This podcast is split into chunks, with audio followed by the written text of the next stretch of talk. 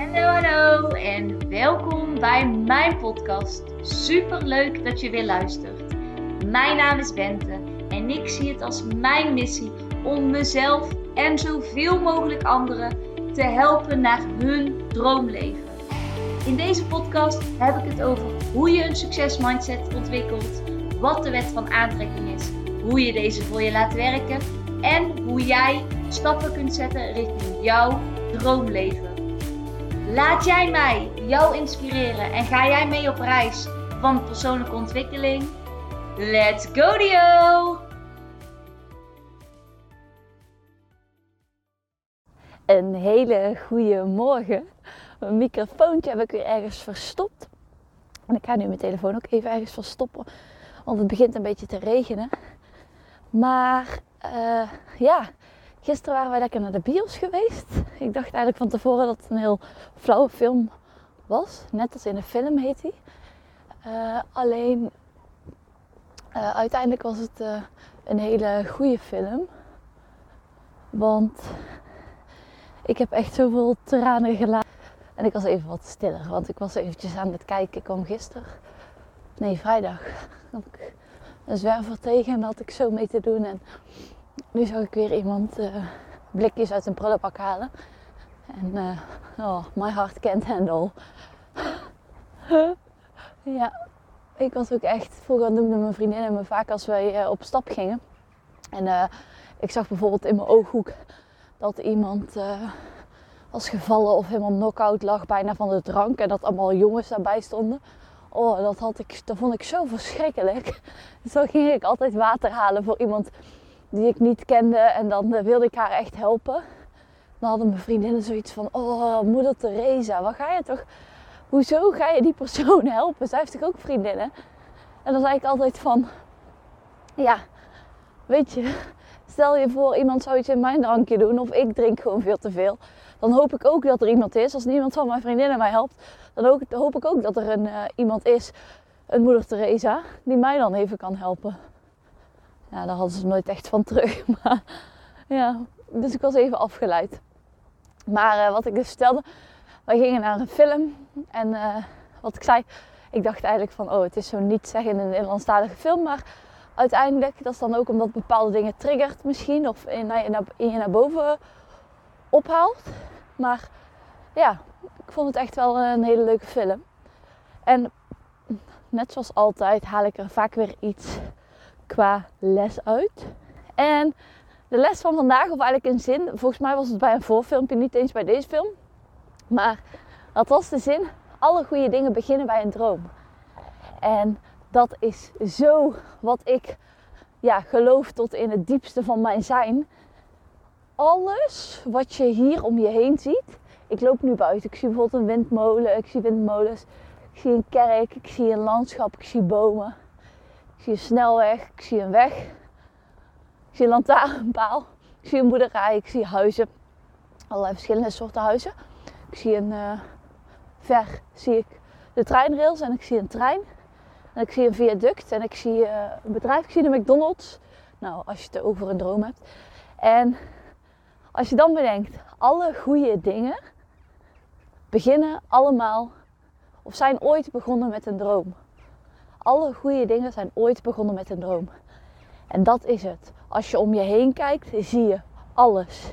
Al deze dingen waren ooit een droom van iemand. Ik zie nou een tankstation.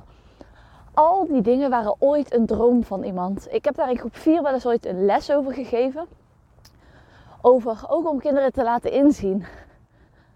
Einstein had ooit een idee. Een Michael Jordan had ooit een idee om te gaan basketballen. En het is niet zo dat in één keer van de een op de andere dag zij dat idee, die droom ook meteen konden verwezenlijken. Maar door constant aandacht te geven aan dat verlangen, aan dat verlangen aan die droom.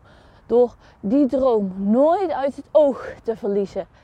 En erop te blijven focussen en vervolgens inspired action daarop te nemen. Want kijk, we kunnen allemaal heel erg zeggen: oh, het is mijn droom om een popster uh, te worden. En ik, ik weet echt zeker dat het gaat lukken. Maar als je vervolgens nooit actie onderneemt, dan zal die droom ook nooit verwezenlijkt worden. Laten we heel eerlijk zijn, zo werkt het ook weer niet. Er is altijd inspired action nodig. Betekent dat dan dat je als een gek honderden mensen moet opbellen omdat je het maar voor elkaar wil krijgen? Betekent dat dan dat je zo hard mogelijk moet werken? Nee, dat betekent het niet. In mijn ogen betekent het: heb heel helder wat je droom is. Heb helder wat je verlangen is. Ga die intentie uitzetten. Neem het mee in hoe tof zou het zijn als. Ga echt in dat gevoel zitten. Hoe zou iemand zich voelen? Ik pak bij mij even mijn marathon.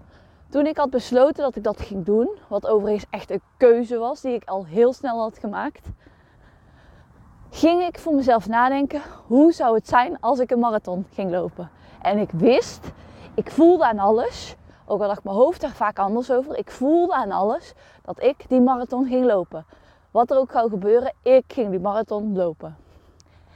En het is natuurlijk niet zo dat ik dan maanden op de bank ga zitten. Want ik ging mezelf constant en zeker richting het einde zo vaak de vraag stellen: wat zou iemand doen die een marathon loopt? Wat doet een marathonloper?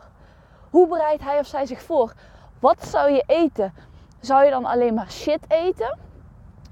En met shit bedoel ik vooral, ik label dingen minder in gezond of ongezond. Maar ik voelde wel degelijk, en zeker toen ik zoveel aan het hardlopen was, welke voeding daadwerkelijk iets deed voor mijn lijf, maar iets bracht.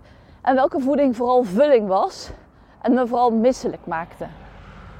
Nou, je kunt je wel bedenken, je, rent anders op een zak Maltesers dan uh, op een banaan of een bak havermout of uh, gewoon een maaltijd of wat dan ook. Nou ja, en natuurlijk wilde ik dat even tot aan de lijve ondervinden. dus uh, ja, ik heb soms ook gewoon misselijk gerend. Omdat ik dacht, ja oké, Bent, dit was geen handige keus. Maar wat zou een marathonloper doen? Een marathonloper die gaat.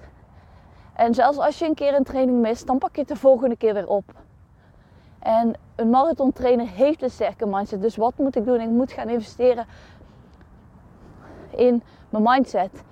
En ik zeg nu moet, maar het voelde op dat moment niet als een moed.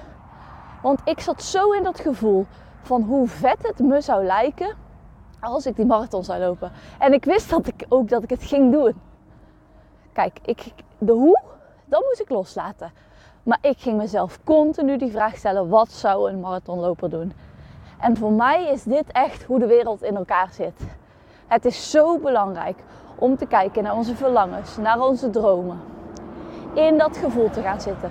Helemaal dat te gaan omarmen. Dat gevoel groter en groter en groter te maken. Waardoor je op een gegeven moment niet kan wachten om actie te ondernemen. Omdat je weet dat die actie die jij onderneemt, dat dat jou dichterbij jouw eigen droom brengt.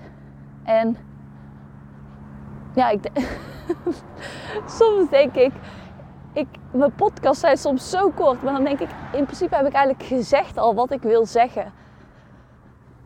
Dus, reminder, nog een keer. Heb helder wat je verlangen is, wat je droom is. Ga heel erg in dat gevoel zitten. Hoe zou het voelen als? Hoe voelt iemand zich die zo Naarmate dat gevoel groter wordt, ga je actie ondernemen, ga je acties uitzetten. Inspired action. Niet omdat het moet. Je gaat niet kosten wat het kost hard werken vanuit ego. Dat heeft nul zin. Betekent dat dan dat je nooit hard moet werken? Nee, dat is ook niet zo. Soms wil je namelijk, als je ergens heel enthousiast bent, wil je namelijk een extra stapje zetten. Wil je namelijk jezelf even uitdagen. En dat is het verschil tussen willen en het gevoel hebben dat je het moet doen om te bereiken. Want er is namelijk niet een one size fits all. Je kunt op, hond, op 100 manieren kun jij jouwzelfde doel bereiken. Kijk maar naar mensen die naar de Olympische Spelen gaan. Denk je dat ze allemaal dezelfde voorbereiding hadden?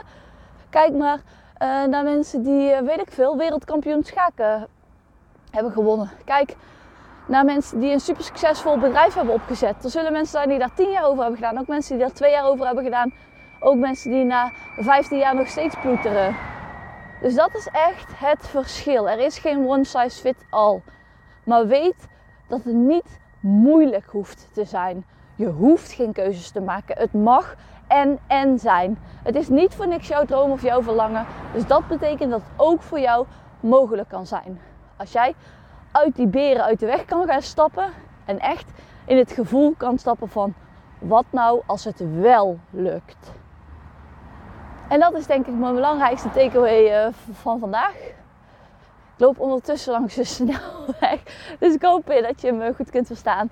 Ik vond het super leuk dat je weer luisterde. En ik wens jullie een hele fijne dag. Tot de volgende keer. Doei!